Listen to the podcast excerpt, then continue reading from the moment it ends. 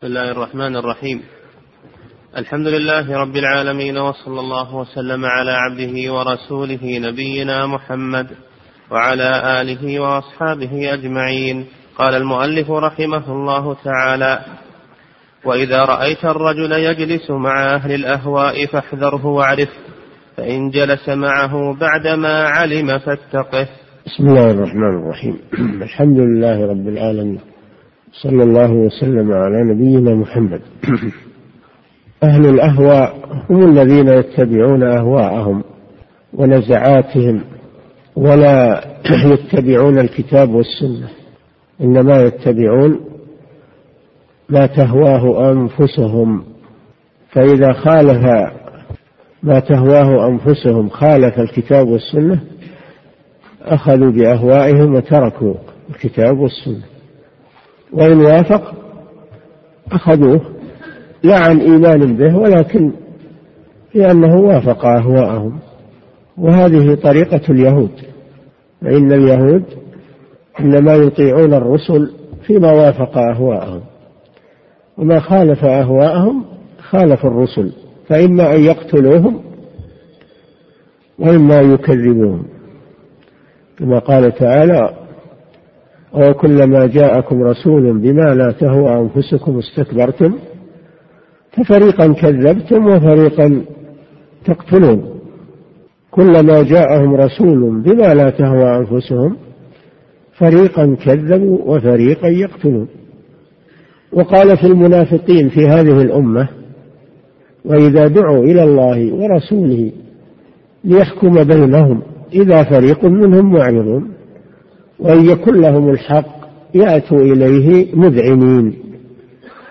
هذه طريقة أهل الأهواء قديما وحديثا فالمقياس عندهم ما وافق أهواءهم. هذا هو الحق عندهم. وما خالف أهواءهم فهو الباطل. ولو نزل به جبريل على محمد فإنه عندهم باطل. هذه طريقتهم. وهذا ما عليه فرق الضلال من هذه الأمة فإنهم لا يقبلون ما جاء عن الرسول صلى الله عليه وسلم بل لا يقبلون ما جاء في القرآن ولا يقبلون ما جاء في السنة مما يخالف نحلهم وأهواءهم فإما أن يؤولوه ويحرفوه وإما أن يكذبوه. هذه طريقتهم. يقول المؤلف رحمه الله فاحذر هؤلاء. أن تجلس معهم لأنهم يؤثرون عليك وربما تقتنع بطريقتهم فتكون معهم فابتعد عنهم.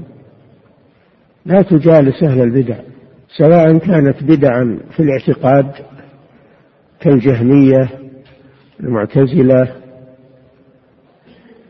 وغيرهم من أهل البدع أو بدعا في العبادة. كالذين يعبدون الله على جهل وضلال يتزهدون ويتعبدون ولكنهم على غير دليل على غير هدى وهذا ينطبق على الصوفية ومن وافقهم. هؤلاء مبتدعة في العبادة أو كانت بدعتهم فيما هو دون ذلك. فالبدع تختلف وكلها شر لا يتساهل بها. ويقال هذه بدعة يسيرة أو هذه لا يتساهل بالبدع لأنها كالشرارة من النار. إذا تركت أحرقت ما حولها. وإذا بودرت وأطفئت سلم الناس من شرها. البدع هكذا. فعلى المسلمين أن يحذروا من المبتدعة. ولا يحسنوا بهم الظن. أو يغتروا بما يظهر منهم. من بعض المظاهر. ويقولون هؤلاء أهل عبادة هؤلاء أهل توبة. هؤلاء يرققون القلوب. هؤلاء أهل ذكر. ما داموا مبتدعة فلا تغتر بهم. جلوسك مع العصاة الذي كما يأتي في كلام الشيخ جلوسك مع العصاة على ما فيه من الخطر أخف من جلوسك مع المبتدعة. فلا تجلس مع المبتدعة أو تتساهل معهم. نعم. وإذا رأيت الرجل يجلس مع أهل الأهواء فاحذره واعرف. نعم إذا رأيته يميل إليهم ويجلس معهم ويذهب معهم فاحذره. لا تغتر به لأنه لو كان فيه خير لما ألفهم وسار معهم. نعم. فإن جلس معهم بعدما علم فاتقه. إذا كان هذا إذا كان لا يعلم بدعتهم. أما إذا كان يعلم بدعتهم ويجالسهم فهذا أشد. هذا جالسهم على بصيرة موافقة. الأول جالسهم عن جهل لكنه على خطر. والثاني الذي جالسهم وهو يعلم ما هم عليه هذا وافقهم على ما هم عليه. لأنه لا يجهل عقيدتهم لا يجهل آه، مذهبهم لا يجهل. فهو تعمد مجالسته نعم. فإن جلس معهم بعدما علم فاتقه فإنه صاحب هوى.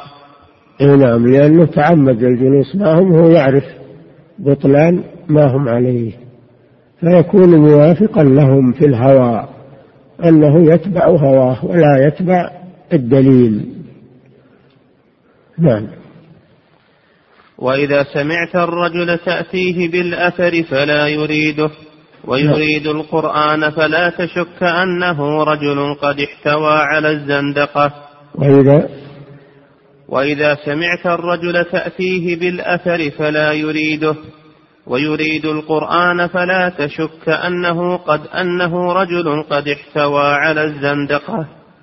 نعم الذي يقول لا لا نحتج بالسنة لا نحتج بالأحاديث وإنما نحتج بالقرآن. هذا احذره لأنه زنديق لأنه ما يحتج بالقرآن وإنما يقول هذا تقية لأن القرآن أمر بأخذ السنة. وما أتاكم الرسول فخذوه وما نهاكم عنه فانتهوا. لقد كان لكم في رسول الله أسوة حسنة لمن كان يرجو الله واليوم الآخر. القرآن أمرنا بأخذ السنة وهذا يقول لا ما نأخذ السنة نأخذ القرآن. نقول أولا هذا كذب لأن القرآن أحالك على السنة. ثانيا القرآن يحتاج إلى السنة لبيان مجمله وتفسير مشكلة ووضع الضوابط والشروط للأحكام التي جاءت مجملة في القرآن. فلا تعرف كيف تصلي إلا بالسنة. هل تعرف كيف تصلي من القرآن؟ القرآن نعم أمر بالصلاة وحث عليها وأمر بالمحافظة عليها لكن تعرف كيف تصلي من من القرآن؟ لا. تعرف هذا إلا من سنة الرسول صلى الله عليه وسلم. لأنه هو المبين للقرآن. قد قال صلى الله عليه وسلم صلوا كما رأيتموني أصلي. الحج جاء في القرآن مؤكدا ولكن هل تعرف كيف تؤدي المناسك؟ إلا من السنة. قال صلى الله عليه وسلم خذوا عني مناسككم. وهذا من أخذا من قوله تعالى لقد كان لكم في رسول الله أسوة حسنة. فلا بد من السنة.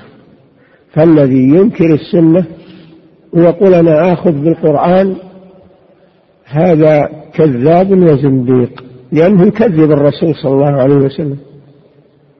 يعتبر أحاديث الرسول لا يحتج بها.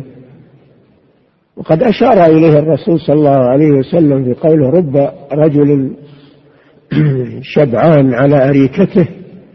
يقول بيننا وبينكم كتاب الله ما جاء فيه أخذناه وما لم يأت فيه تركناه. قال صلى الله عليه وسلم ألا وإني أوتيت القرآن ومثله معه. والله جل وعلا يقول وما ينطق عن الهوى.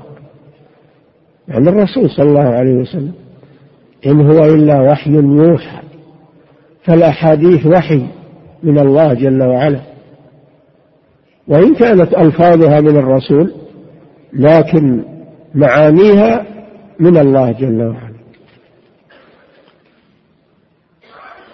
فهذا الذي يحتج بالقرآن بزعمه ولا يحتج بالسنة هذا زنديق. يعني منافق. الزنديق يراد به المنافق. هو في القرآن والسنة منافق لكن عبروا عنه بالزنديق في العصور المتأخرة. نعم. وإذا سمعت الرجل تأتيه بالأثر فلا يريده ويريد القرآن فلا تشك أنه رجل قد احتوى على الزندقة. لأن الرسول حذر منه. رب شبعان على أريكته يقول بيننا وبينكم كتاب الله. هذا هو. كما أخبر صلى الله عليه وسلم. وقع. نعم. فلا تشك أنه رجل قد احتوى على الزندقة فقم نعم. من عنده ودعه. نعم لا تجلس معه. لأن يعني بعض الناس يقول هذا يحتج بالقرآن. يحتج بالقرآن كيف أتركه نقول لا ما احتج بالقرآن. القرآن أمر بالأخذ بالسنة. هذا ما احتج بالقرآن. إنما يريد التغطية والتعمية على الناس. نعم. واعلم أن الأهواء كلها ردية تدعو إلى السيف. الأهواء كلها كلها ردية. وعرفنا الأهواء. الأهواء ما خالف الكتاب والسنة من المذاهب والآراء والأفكار. وكل ما خالف الكتاب والسنة من الآراء والمذاهب والأفكار والحزبيات غير ذلك فإنه من الأهواء. قال تعالى فإن لم يستجيبوا لك فاعلم أنما يتبعون أهواءهم. ومن أضل ممن اتبع هواه بغير هدى من الله. فهذا هو واجب المسلم أن أن يتبع ما جاء عن الله ورسوله. ولا يتبع ما رغبت فيه نفسه أو قال به فلان وعلان. لا يعرض أقوال الناس على الكتاب والسنة فما وافق الكتاب والسنة أخذ به وما خالف الكتاب والسنة تركه. هذا هو صاحب الحق. أما الذي يذهب مع الناس أينما ذهبوا ويكون إمعة ولا يفكر فيما هم عليه ولا يختبر ما هم عليه فهذا صاحب هوى يتبع هواه. نعم. واعلم أن الأهواء كلها ردية تدعو إلى السيف. تدعو إلى السيف يعني إلى الفتنة. فالحروب التي جاءت بين المسلمين وانشقاق الكلمة إنما جاء عن أصحاب الأهواء من معتزلة وخوارج وغيرهم أصحاب أهواء. هم الذين سببوا الفتنة. معتزلة خوارج روافض أو غيرهم. ما جاءت الفتن إلا من قبلهم وبسببهم. من الذي قتل عثمان رضي الله عنه؟ من الذي قتل علي بن أبي طالب رضي الله عنه؟ من الذي أوقد الفتنة بين المسلمين بعد ذلك؟ إلا هؤلاء أصحاب الأهواء. من الذي أغرى المأمون ومن جاء بعده بامتحان أهل السنة حتى سحبوا إمامهم؟ أحمد بن حنبل رحمه الله. وضربوه وسجنوه إلا أهل الأهواء. من الذي سجن شيخ الإسلام بن تيمية حتى مات في السجن رحمه الله؟ إلا هؤلاء أهل الأهواء. فعلينا أن نحذر من هؤلاء لأن شرهم يؤول في النهاية إلى تمزيق كلمة المسلمين والخروج على ولي أمر المسلمين. وتفريق جماعة المسلمين ليكونوا شيعا وأحزابا بدل أن يكونوا أمة واحدة. نعم.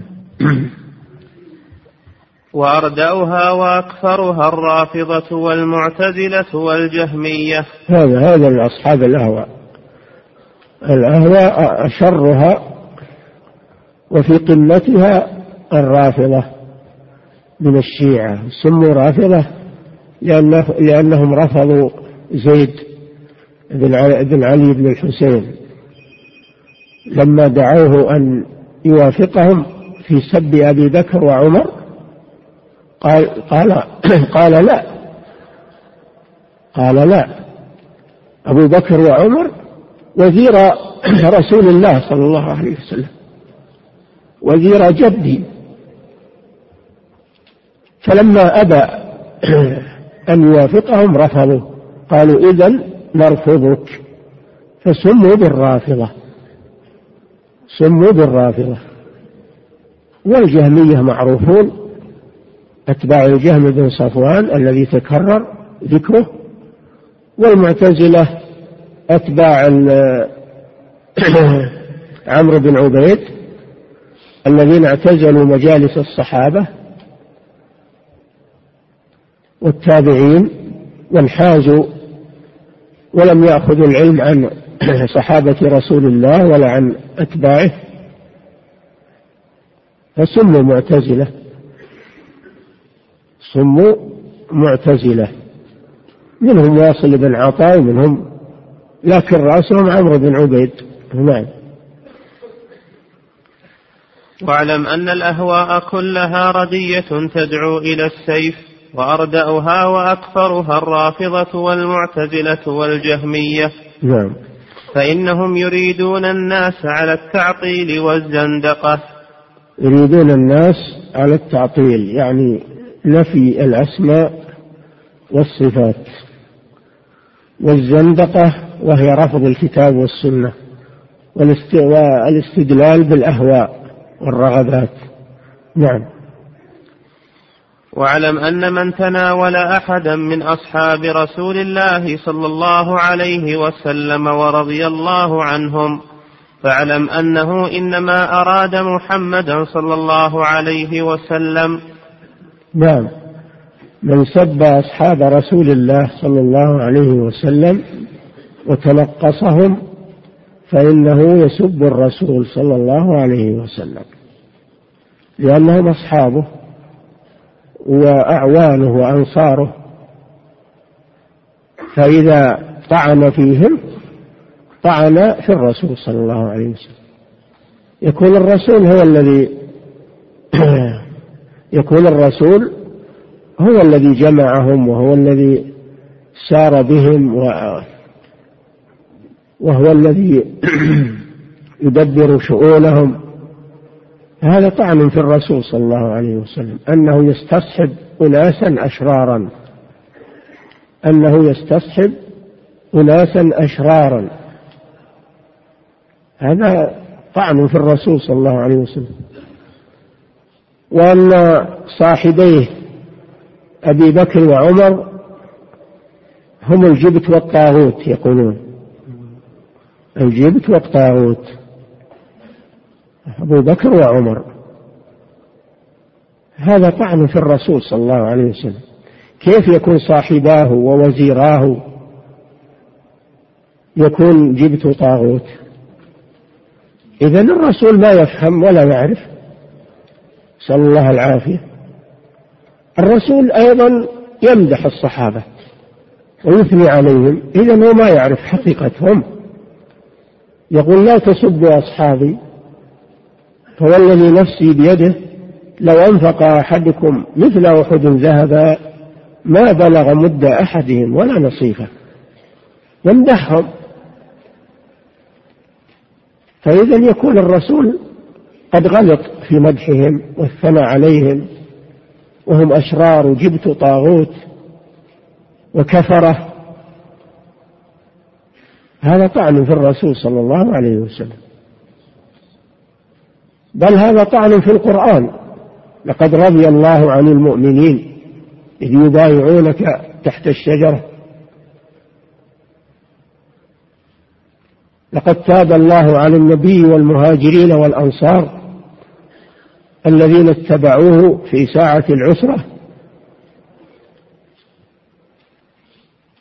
والسابقون الأولون من المهاجرين والأنصار والذين اتبعوهم بإحسان رضي الله عنهم ورضوا عنه. إذا هذا قدح في القرآن الذي أثنى عليهم ومدحهم. فلا يسب الصحابة من في قلبه ذرة من إيمان.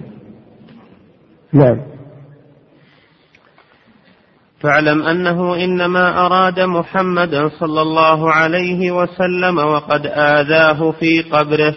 نعم من يسب الصحابه فقد اذى النبي صلى الله عليه وسلم في قبره لأنه صلى الله عليه وسلم لا يرضى أن يسب أصحابه. وقد قال الله تعالى إن الذين يؤذون الله ورسوله لعنهم الله في الدنيا والآخرة وأعد لهم عذابا مهينا. يؤذون الله ورسوله. فالذي يسب الصحابة قد آذى الله ورسوله. ولا يكون هذا خاص في حياة الرسول صلى الله عليه وسلم بل يؤذيه وهو في قبره بعد موته عليه الصلاة والسلام. وهو ملعون. لعنهم الله في الدنيا والآخرة وأعد لهم عذابا مهينا. نسأل الله العافية. نعم. وإذا ظهر لك من إنسان شيء من البدع فاحذره سبق هذا لكن بالتأكيد يكرره رحمه الله. يقول الإنسان المسلم الإنسان المسلم تأخذه على السلامة وإحسان الظن. تأخذ المسلم بحسن الظن. فإذا رأيت منه ما يخالف ذلك فابتعد عنه. إذا رأيته لا يتبع القرآن ولا السنة وإنما يتبع البدع والمحدثات فأبعد عنه. تبين لك هذا أبعد عنه. وإن كنت في أول الأمر تحسن الظن به لكن تبين لك خلاف ذلك. هذه قاعدة أن الأصل في المسلم العدالة والخير. ما لم يظهر منه خلاف ذلك. حينئذ يعامل بموجب ما يظهر منه. وقد يخرج من الإسلام قد يرتد بسبب أفعاله وأقواله أو اعتقاداته وإن كان في الأصل مسلما لكن يرتد عن الإسلام. فلا تتساهل بالبدع والمبتدعة وتقول هذولا أهل خير وهذولا أهل عبادة وذكر. وهذولا يتوبون الناس يتوبون الناس على أيديهم وما أشبه أهل رقة. ما تتساهل بالبدع أبدا. احذرهم واحذر بدعهم. نعم. وإذا وإذا ظهر لك من إنسان شيء من البدع فاحذره فإن الذي أخفى عنك أكثر مما أظهر. نعم إذا ظهر لك منه بعض البدع فاعلم أن هنا بدع شرا منها لكن يخفيها. صفة المنافقين الذين يظهرون الخير ويبطنون الشر. فكونه ظهر عليه بعض البدع هذه علامة علامة على ما في قلبه وما في خفيته من بدع أشد منها. لأنه لو كان يكره البدع ما تساهل فيها. والبدع ليس فيها شيء يتساهل فيه كلها شر. قال صلى الله عليه وسلم عليكم قال عليه الصلاة والسلام فعليكم بسنتي وسنة الخلفاء الراشدين المهديين من بعدي. تمسكوا بها وعضوا عليها بالنواجذ.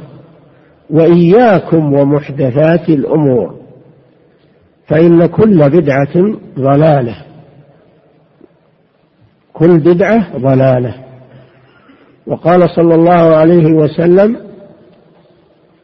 إن خير الحديث كتاب الله وخير الهدي هدي محمد صلى الله عليه وسلم وشر الأمور محدثاتها.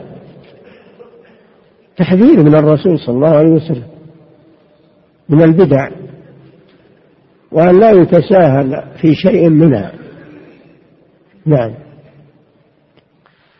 وإذا رأيت الرجل رديء الطريق والمذهب فاسقا فاجرا صاحب معاص ظالما وهو من أهل السنة فاصحبه. نعم. مصاحبتك للفاسق السني على ما فيه من الفسق وفعل المعاصي مجالستك له خير من مجالستك للمبتدع. لأن العاصي يعرف أنه عاصي ويرجى أنه يتوب بخلاف المبتدع فإنه يعتقد أنه على حق ولا يتوب. لا يتوب المبتدعة لا يتوبون. في الغالب والكثير أنهم لا يتوبون لأنهم يرون أنهم على حق. فليس هذا معناه أنك تجالس العصاة لكن معناه أن مجالسة العصاة من أهل السنة خير من مجالسة المبتدعة وإن كان ظاهرهم العبادة والصلاح وإلى آخره. هذا قصد المؤلف رحمه الله. نعم. ولا شك أن أن البدعة شر من من المعصية. البدعة شر وأحب إلى الشيطان من المعصية.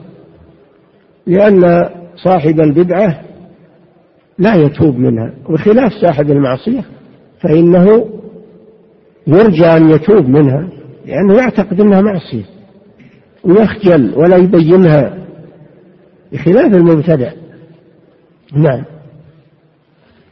وإذا رأيت الرجل رديء الطريق والمذهب فاسقا فاجرا صاحب معاص ظالما وهو من أهل السنة يعني لم يخرج عن الإسلام إنما عنده كبائر دون الشرك وليس عنده بدع ليس عنده بدع. فمجالستك له أخف من مجالسة المبتدع وإن كان يظهر الصلاح والتقى وكما ذكرت ليس معنى هذا إن الشيخ يقول لك جالس أهل المعاصي لا. يقول يقارن هو يقارن بين مفسدة مجالسة العاصي ومفسدة مجالس المبتدع.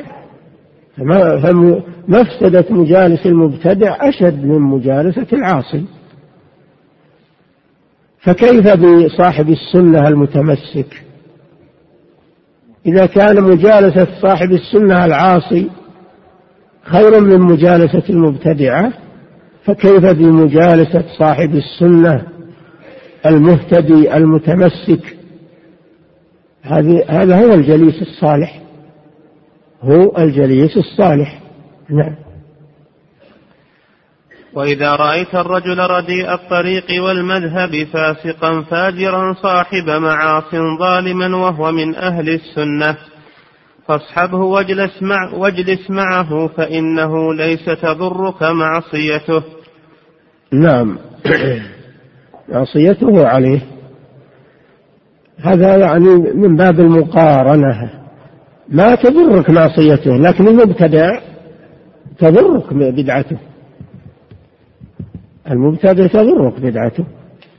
أما العاصي فلا تضرك معصيته. نعم. وإذا رأيت الرجل عابدا مجتهدا متقشفا متحرفا بالعبادة صاحب هوى فلا تجلس معه ولا تسمع كلامه. هذا الذي مر أنه ما تغتر بكون المبتدع يظهر التمسك والعبادة والزهد والتقشف ويصلي بالليل ما دام عنده هوى أو بدعة فلا فلا تتساهل فيه. ابتعد عنه. غاية الابتعاد. نعم.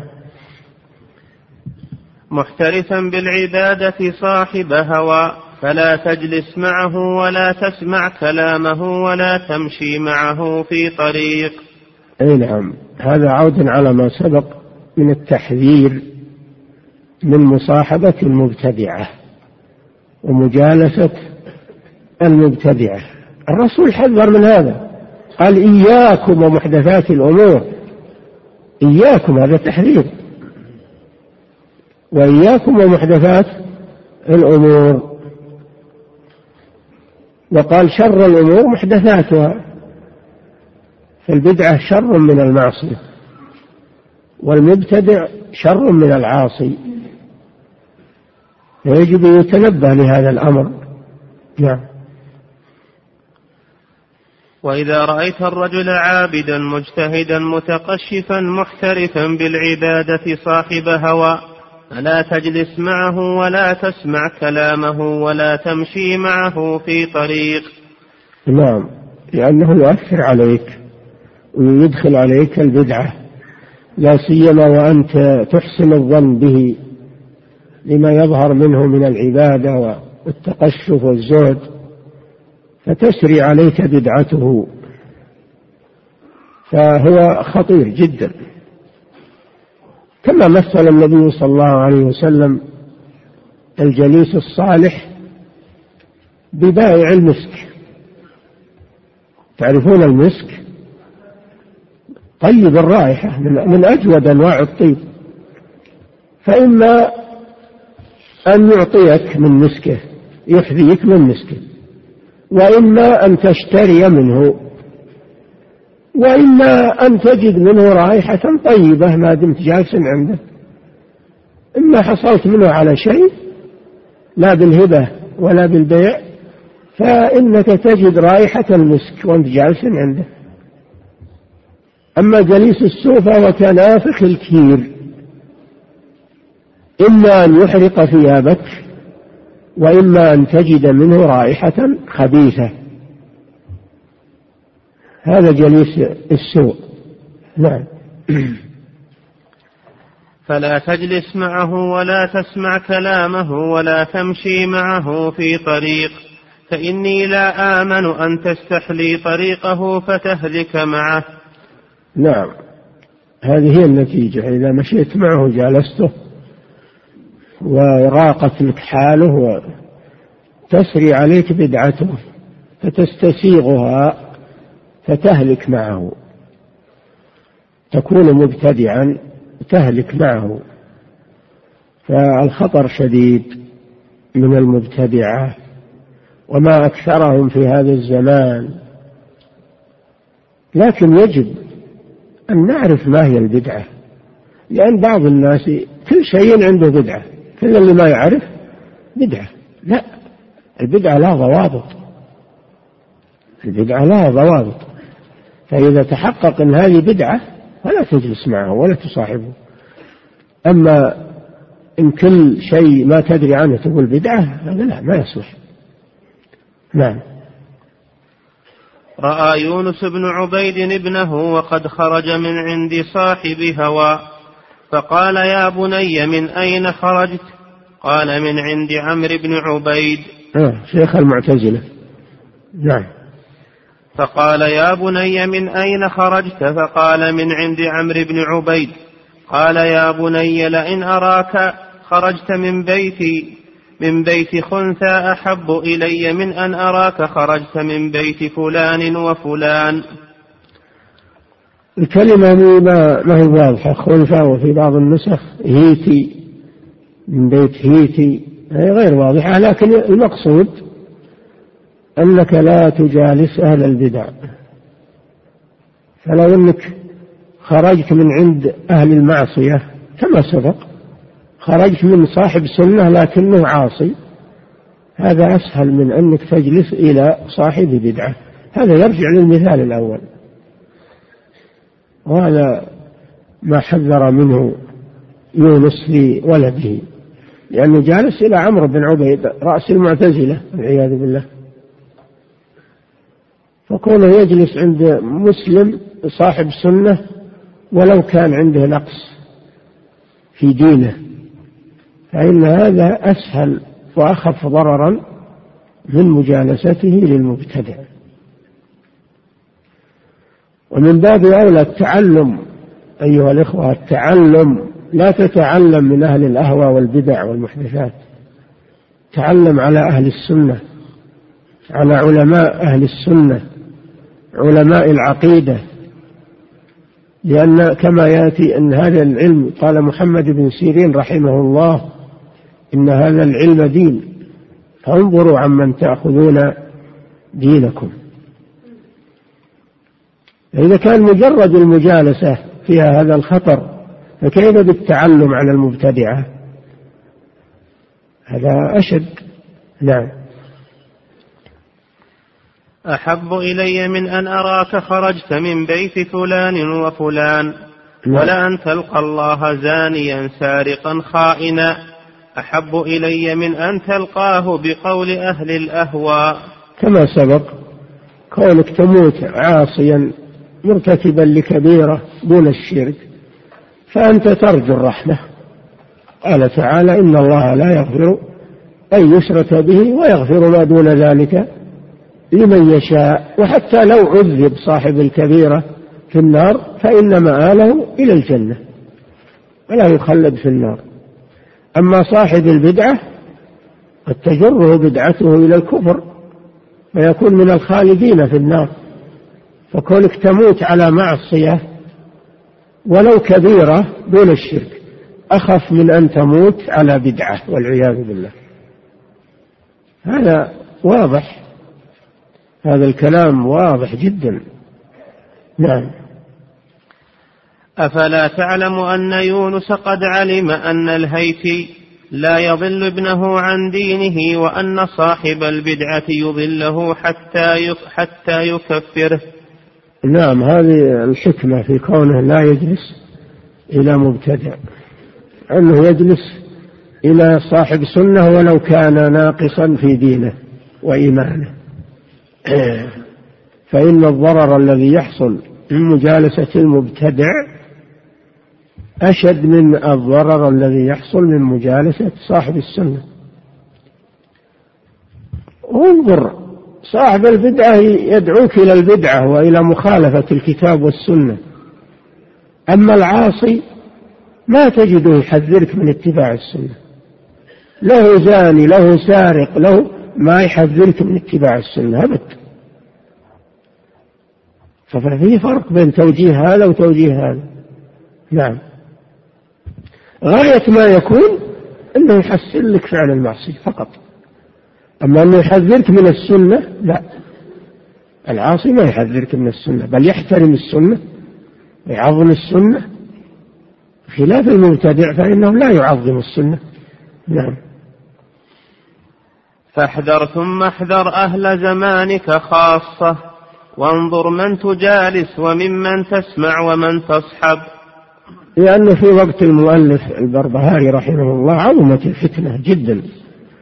فهو يحذر من أهل زمانه لما ظهر من الشر والأهوى والبدع فهو يحذر. هذا وهذا ليس خاصا بزمانه بل كل زمان تظهر فيه الشرور تظهر فيه الأهوى تظهر فيه الدعوات الباطلة فإنه يشتد الحذر يشتد الحذر على المسلم فيأخذ حذره. نعم. فانظر من تجالس وممن تسمع ومن تصحب فإن الخلق كأنهم في ردة إلا من عصم الله منهم. نعم هذا في وقته رحمه الله وأيضا هو يتكرر ووقتنا هذا وما بعده الله أعلم أشد لأن كل ما تأخر الزمان كثرت الفتن كثرت الشرور واستغربت السنة وقل المتمسكون بها فالخطر أشد. نعم.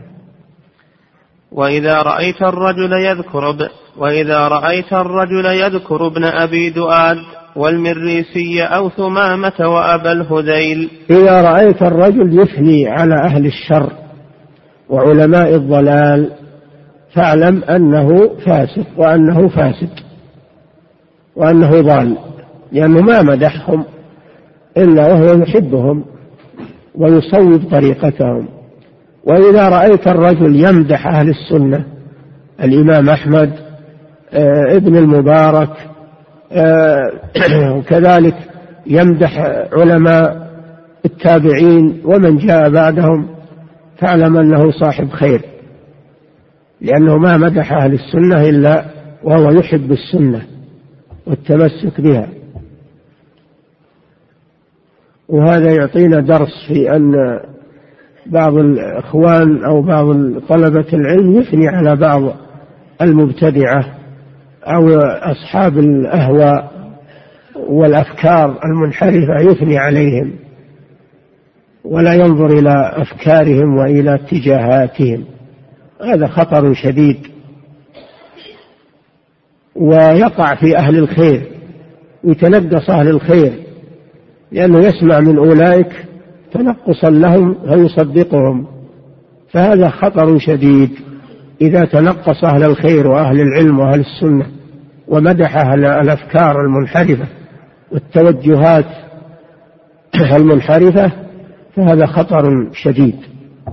ولو ما جالسهم هذا في الكلام فقط لو ما جالسهم. نعم. فهذا مما يحذرنا مما وقع في كثير من الناس الآن. نعم. وإذا رأيت الرجل يذكر ابن أبي دؤاد والمريسي أو ثمامة ابن أبي دؤاد والمريسي هؤلاء هم الذين أشاروا على المأمون بتعذيب الإمام أحمد وغيره من الأئمة حتى يقول بخلق القرآن. حتى يقول إن القرآن مخلوق. هذا بشر المريسي وابن أبي دؤاد. نعم. والمريسي أو ثمامة. ثمامة ابن الأشرس. هذا من قادة أهل الضلال. نعم. وأبا الهذيل. أبا الهذيل العلاف من كبار المعتزلة. أبو الهذيل العلاف هذا من كبار المعتزلة. نعم.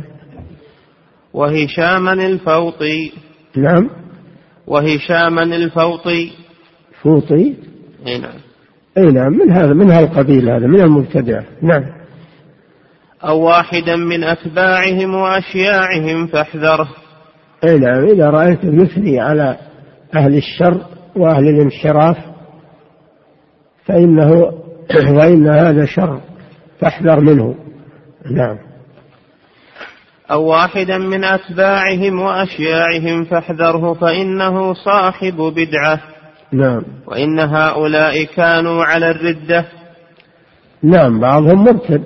بعض هؤلاء الجهمية والمعتزلة الذين تعمدوا الذين تعمدوا مخالفة الكتاب والسنة. هذا لا شك في كفرهم. أما المقلد منهم فهذا ضال يحكم عليه بالضلال لا يحكم عليه بالكفر حتى يبين له. أما أئمتهم هؤلاء يعرفون هذا. أئمتهم ودعاتهم يعرفون ما هم عليه. فلذلك حكم عليهم بالردة. نعم. والمحنة نعم. وإن هؤلاء كانوا على الردة. واترك هذا الرجل الذي ذكرهم بخير. إي نعم هم اتركهم ولا تغتر بمدح هذا الرجل الذي يثني عليهم ويمدحهم. قد يكون فيهم خصال قد يكون في أهل الضلال خصال فيها شيء من الطيب طيبة لكن انظر إلى ما عندهم من الضلال. فلا تغتر بخصلة من من خصال الخير وتغفل عن الخصال الكثيرة من الشر. وهذه أيضا حكمة عظيمة. بعض الناس يقول فلان عنده خير ولو كان منحرف ولو كان فلان كريم فلان كذا وكذا. اترك هذا كله. ما دام إنه صاحب ضلال وصاحب هوى فاتركه. ولو كان فيه شيء من الخير اتركه. نعم. كما أن صاحب السنة ولو كان عنده شر ومعاصي فالزمه لأنه صاحب السنة نعم. والمحنة في الإسلام بدعة. نعم. والمحنة في الإسلام بدعة. نعم. نعم. والمحنة في الإسلام بدعة وأما اليوم فيمتحن بالسنة. نعم. كما سبق أن الأصل في المسلم الخير وأحسن به الظن. ما لم يظهر منه خلاف ذلك. هذه هي القاعدة. هذه هي القاعدة. فالمؤلف يقول ما دام المسلم لم يظهر منه إلا الخير فإننا نقبل منه الخير. حتى المنافق. الرسول صلى الله عليه وسلم قبل المنافقين ووكلهم وكل سرائرهم إلى الله سبحانه وتعالى. فما دام ما ظهر منه شيء فأنت تحسن الظن به. لكن إذا ظهر منه بغض للسنة ولأهل السنة حينئذ فاحذره. نعم. هذه قاعدة تمشي عليها في هذا في هذا الأصل العظيم. نعم. والمحنة في الإسلام بدعة وأما يعني اليوم يعني واحد مسلم ولا ظهر منه شيء تمتحنه تقول وش وش تعتقد وش تقول وش لا ما له داعي أحسن الظن به أحسن الظن به نعم.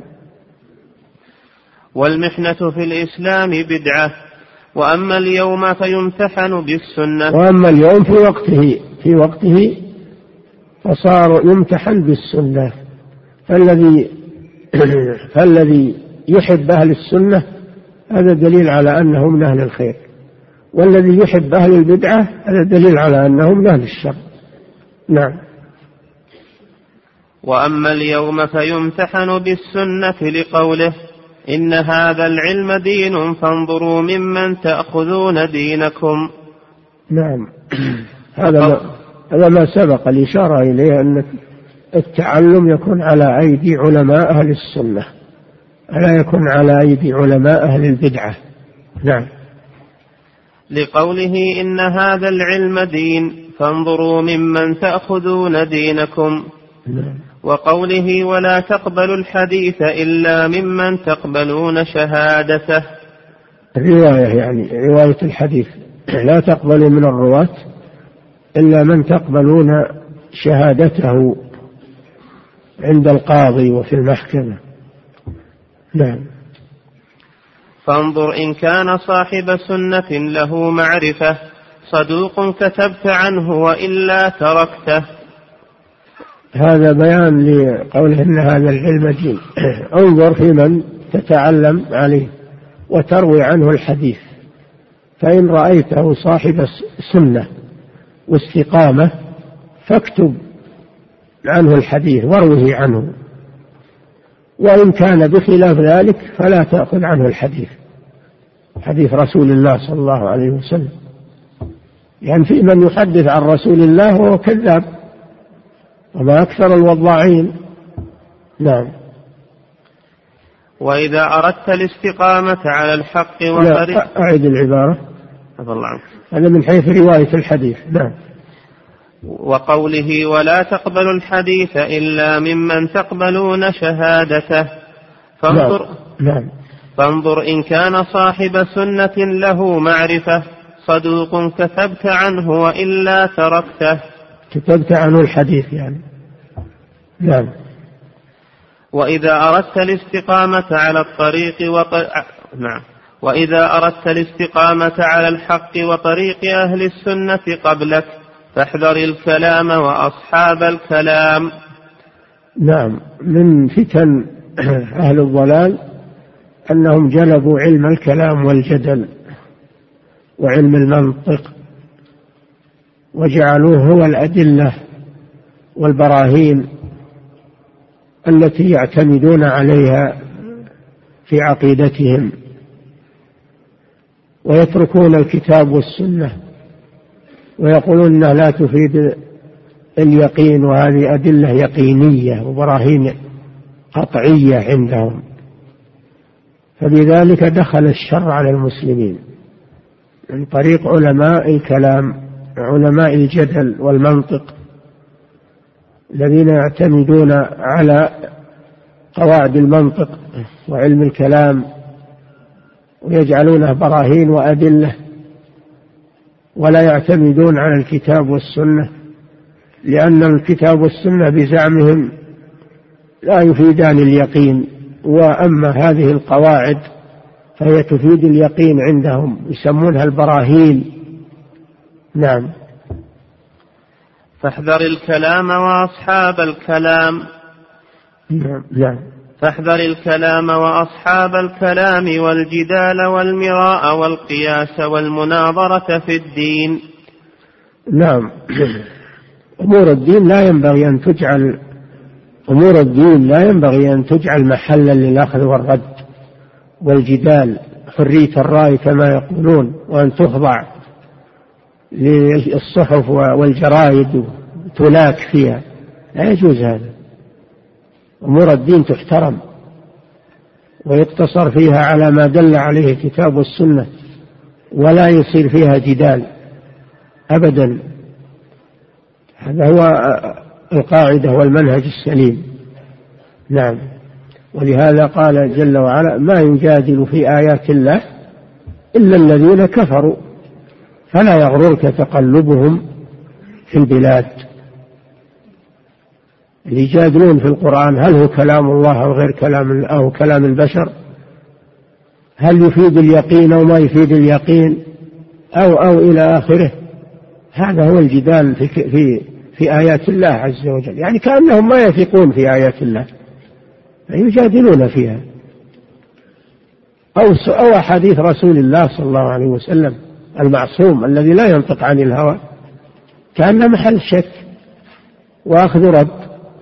نعم. فاحذر الكلام وأصحاب الكلام والجدال والمراء والقياس والمناظرة في الدين. أمور الدين ما فيها مناظرة أمور ثابتة ولا فيها شك حتى تطرح للبحث كما يقولون. لا تطرح للبحث هذه.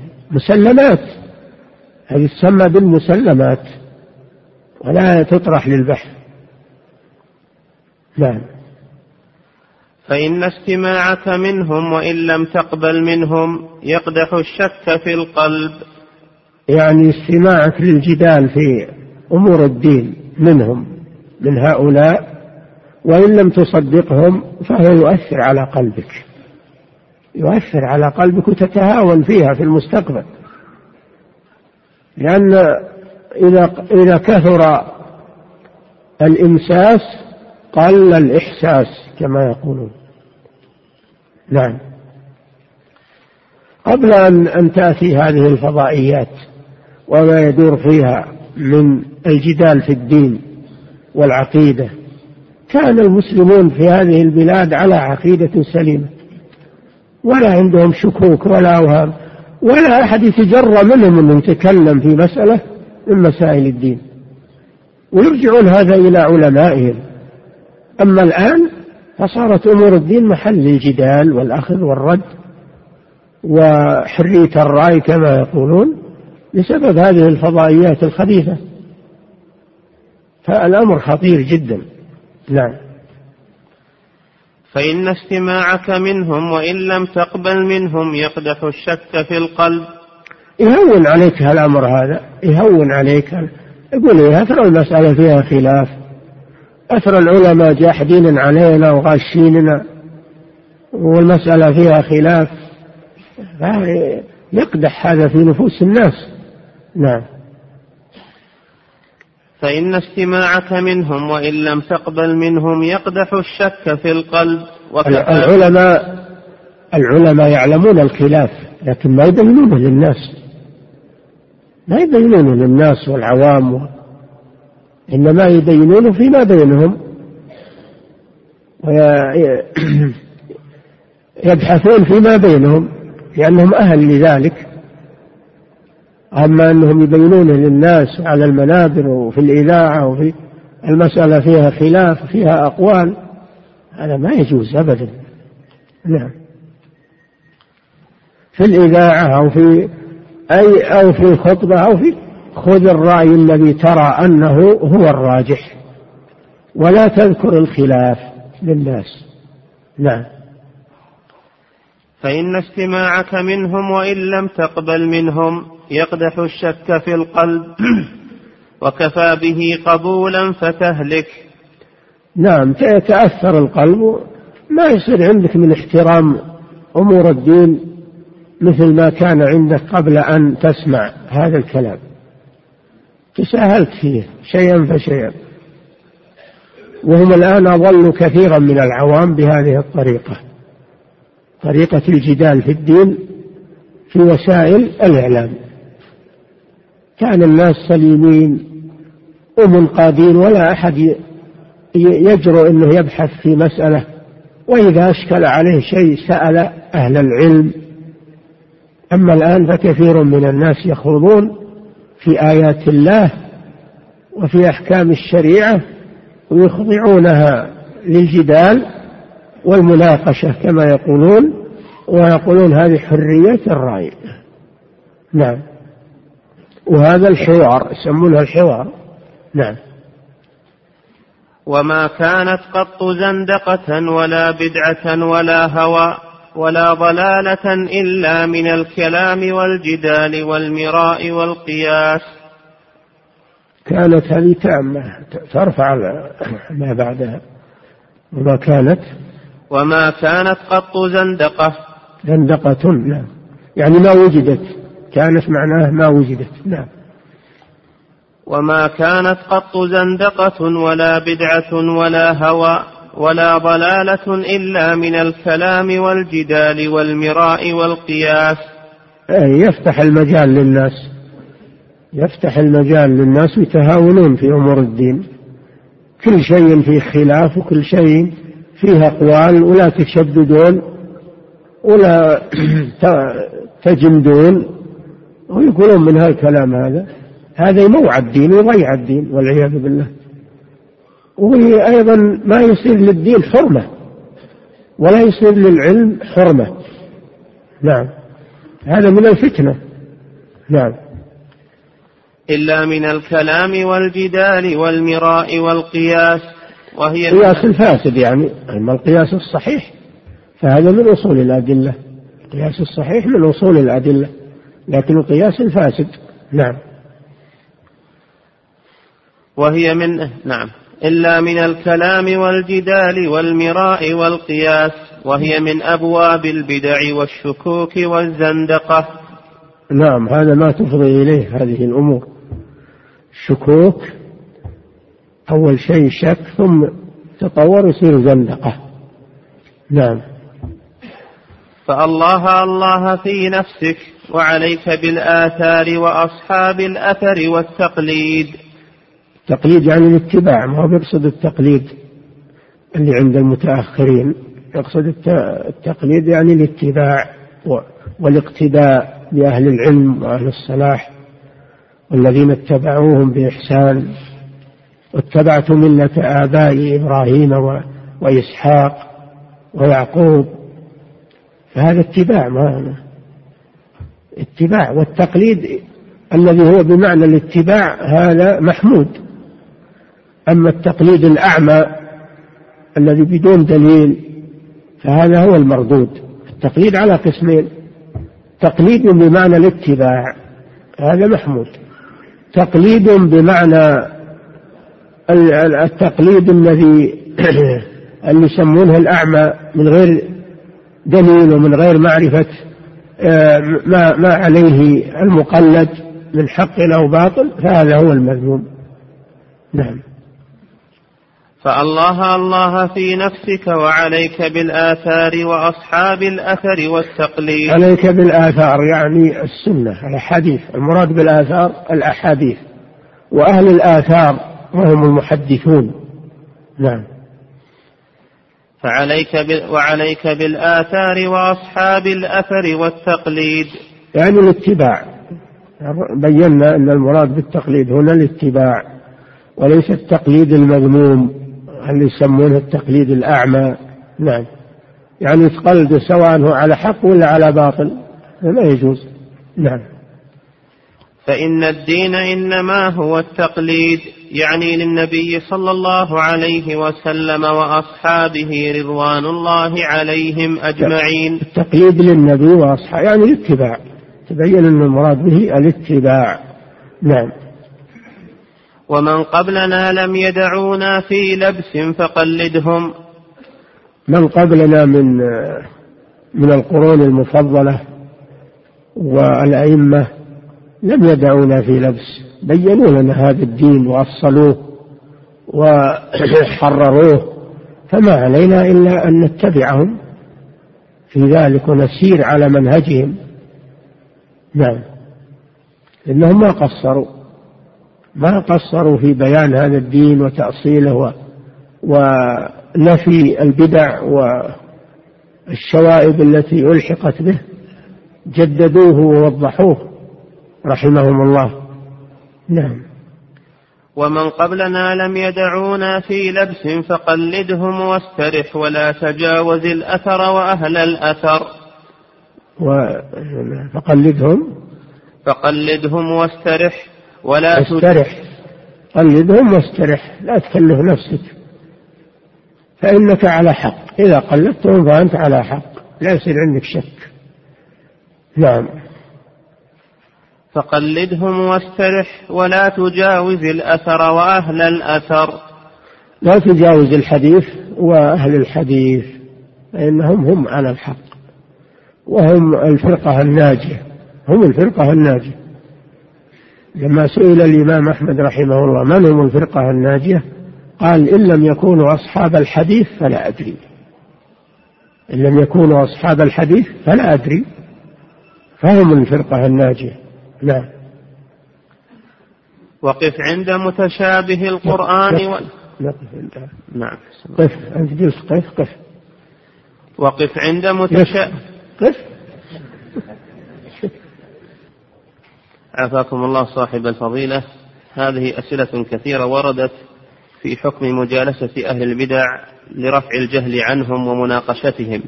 وهل هذا لكل أحد؟ لا.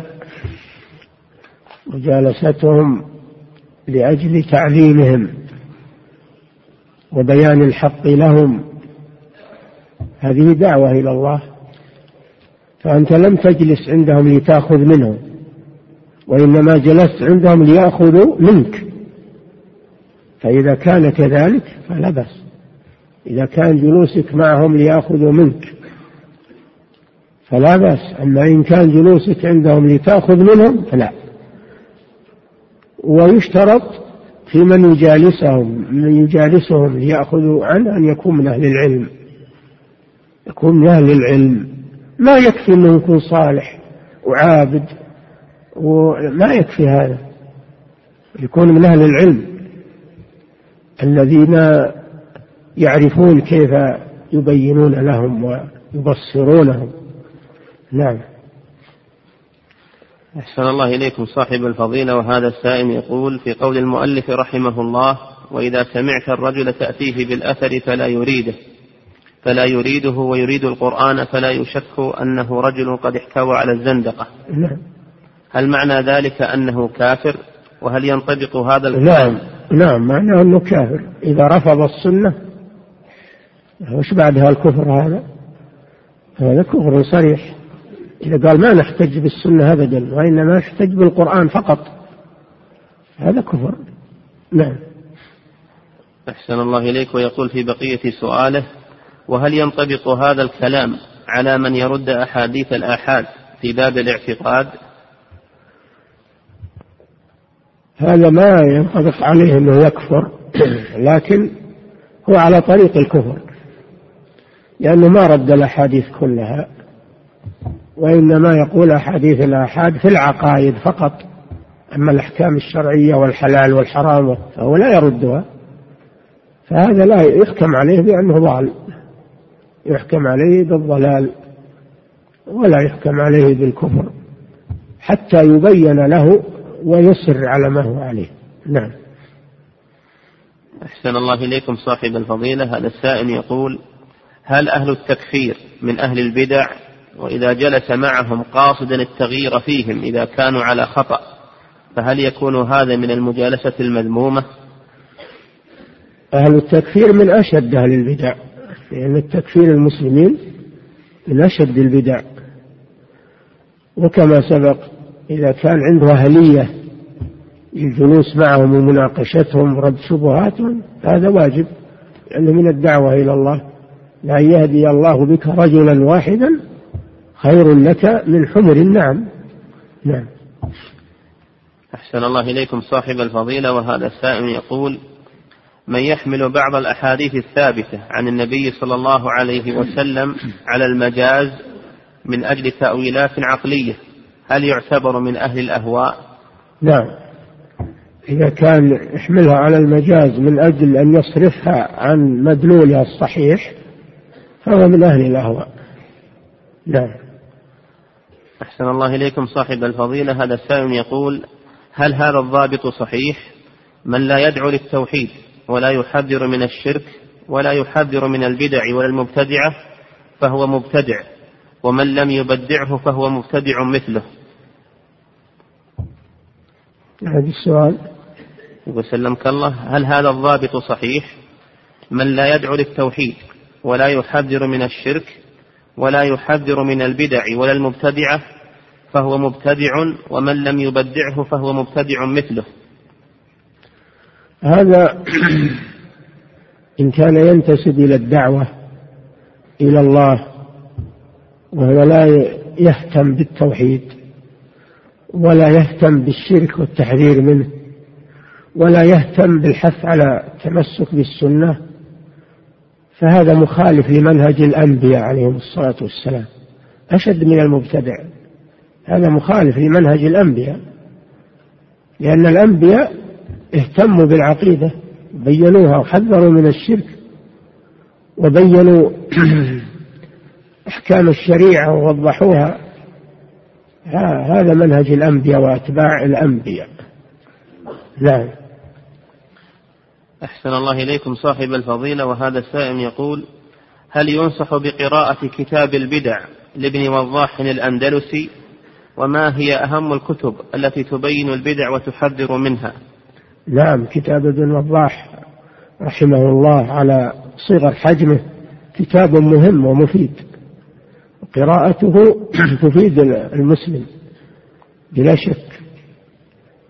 والكتب المؤلفة كثيرة في البدع.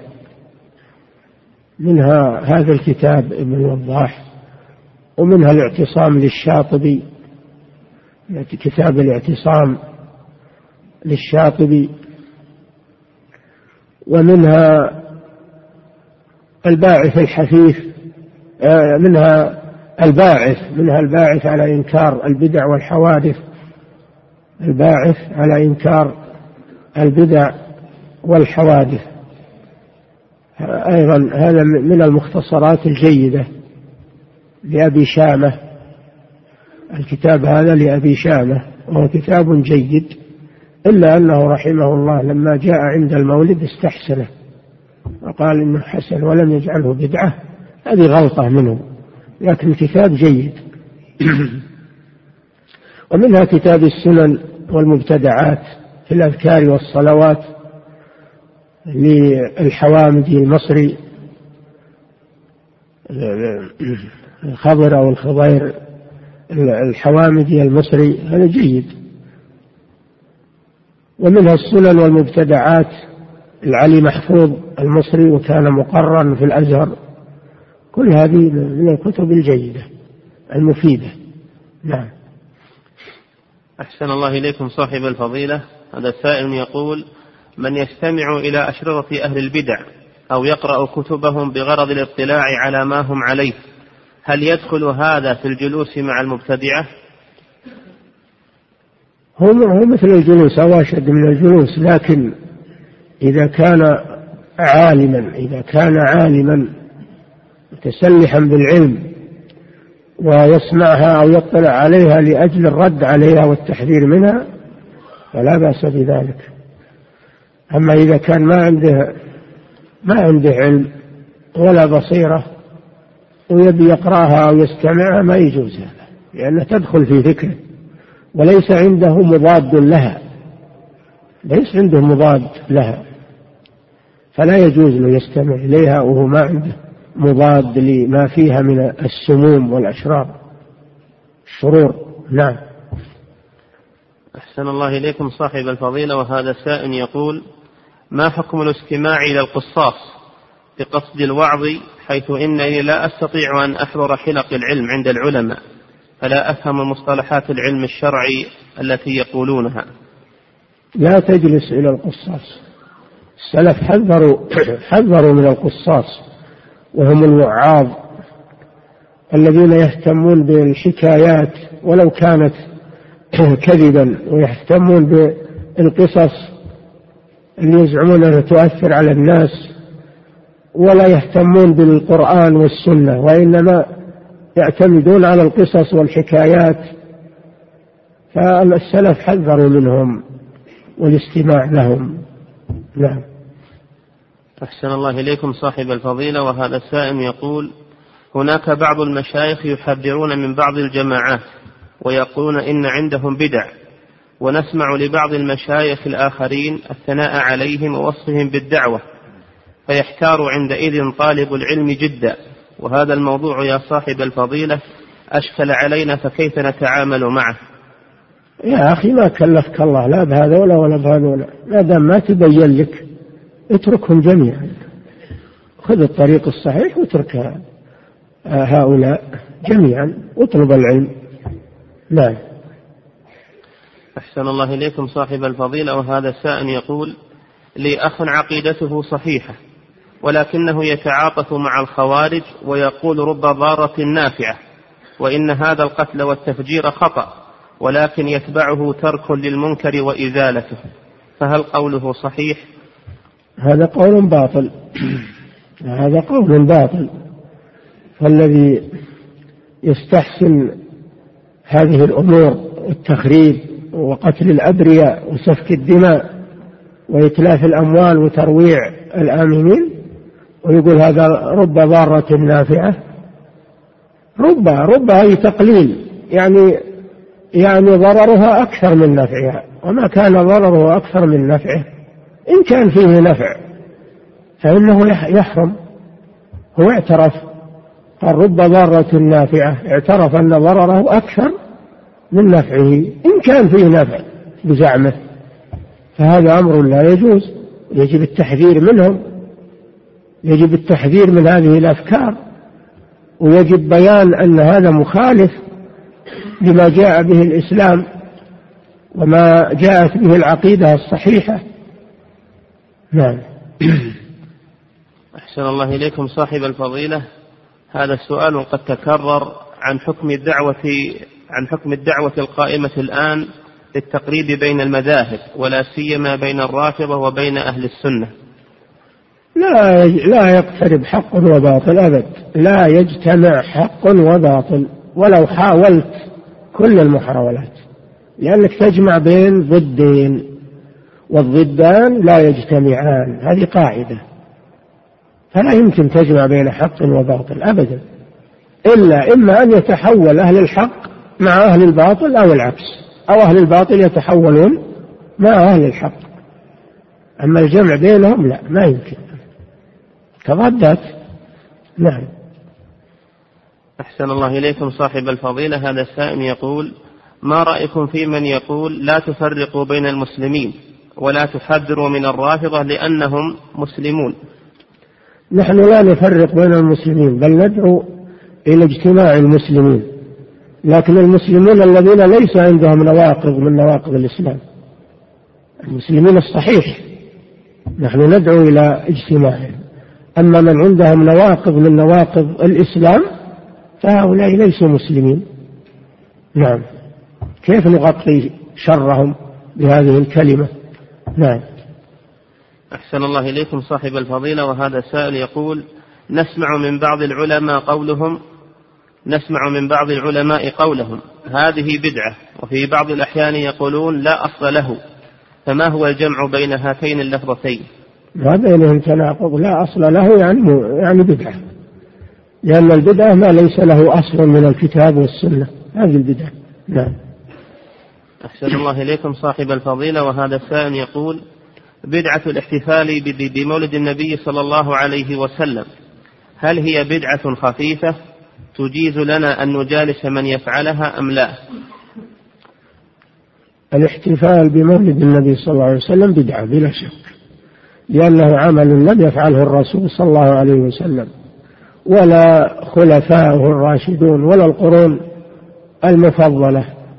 وما حدث إلا بعد المئة الرابعة على أيدي الفاطميين الشيعة. الفاطميين الشيعة الذين جاءوا من المغرب وسيطروا على بلاد مصر وعلى جاءت معهم بدعة المولد فهو بدعة بلا شك. ولكن أيضا يدخله شيء من الشركيات. وهي الاستغاثة بالرسول صلى الله عليه وسلم طلب الحوائج منه والشكوى إليه. فيما يصيب المسلمين يشتكون إلى الرسول ولا يشتكون إلى الله جل وعلا ولا يستغيثون بالله وإنما يستغيثون بالرسول في هذه المناسبة. وهم يعترفون بأنه يقع فيها أشياء من هذا فهي تجمع بين البدعة وبين الشرك. نعم. أحسن الله إليكم صاحب الفضيلة وهذا السائل يقول لقد سمعنا من سماحتكم أن من يسمع الأناشيد الإسلامية هو من الصوفية وهي من الهوى. السؤال هل نحذر من الجلوس مع أصحابها؟ وين سمعتم من الكلام هذا أنه من الصوفية اللي يسمعه يكون من الصوفية؟ أنا ما أذكر أني قلته. لكن أنا أقول هذه الأناشيد التي يسمونها إسلامية هي أناشيد الصوفية لأن الصوفية يعتبرون الأناشيد أنها ذكر لله عز وجل يعتبرونها إسلامية ذكر لله. هذا وجه المشابهة. أما أن يقول من يستمع إليها فهو صوفي ما صحيح. نعم. أحسن الله إليكم صاحب الفضيلة وهذا سائم يقول ما رأيكم فيما يفعله بعض طلبة العلم من امتحان إخوانهم الذين ظاهرهم الصلاح والسنة في قولهم ما تقولون في الشيخ الفلاني؟ وما رأيك في المنهج الفلاني؟ هذه فتنة. هذه فتنة. اتركوا هذه الفتنة. واحملوا الناس على الخير إلا إذا ظهر من أحدهم أو من بعضهم خلاف ذلك فعليك بمناصحته فإن قبل وإلا فابتعد عنه. والله أعلم وصلى الله وسلم على نبينا محمد وعلى آله وصحبه أجمعين. الله أكبر الله أكبر أشهد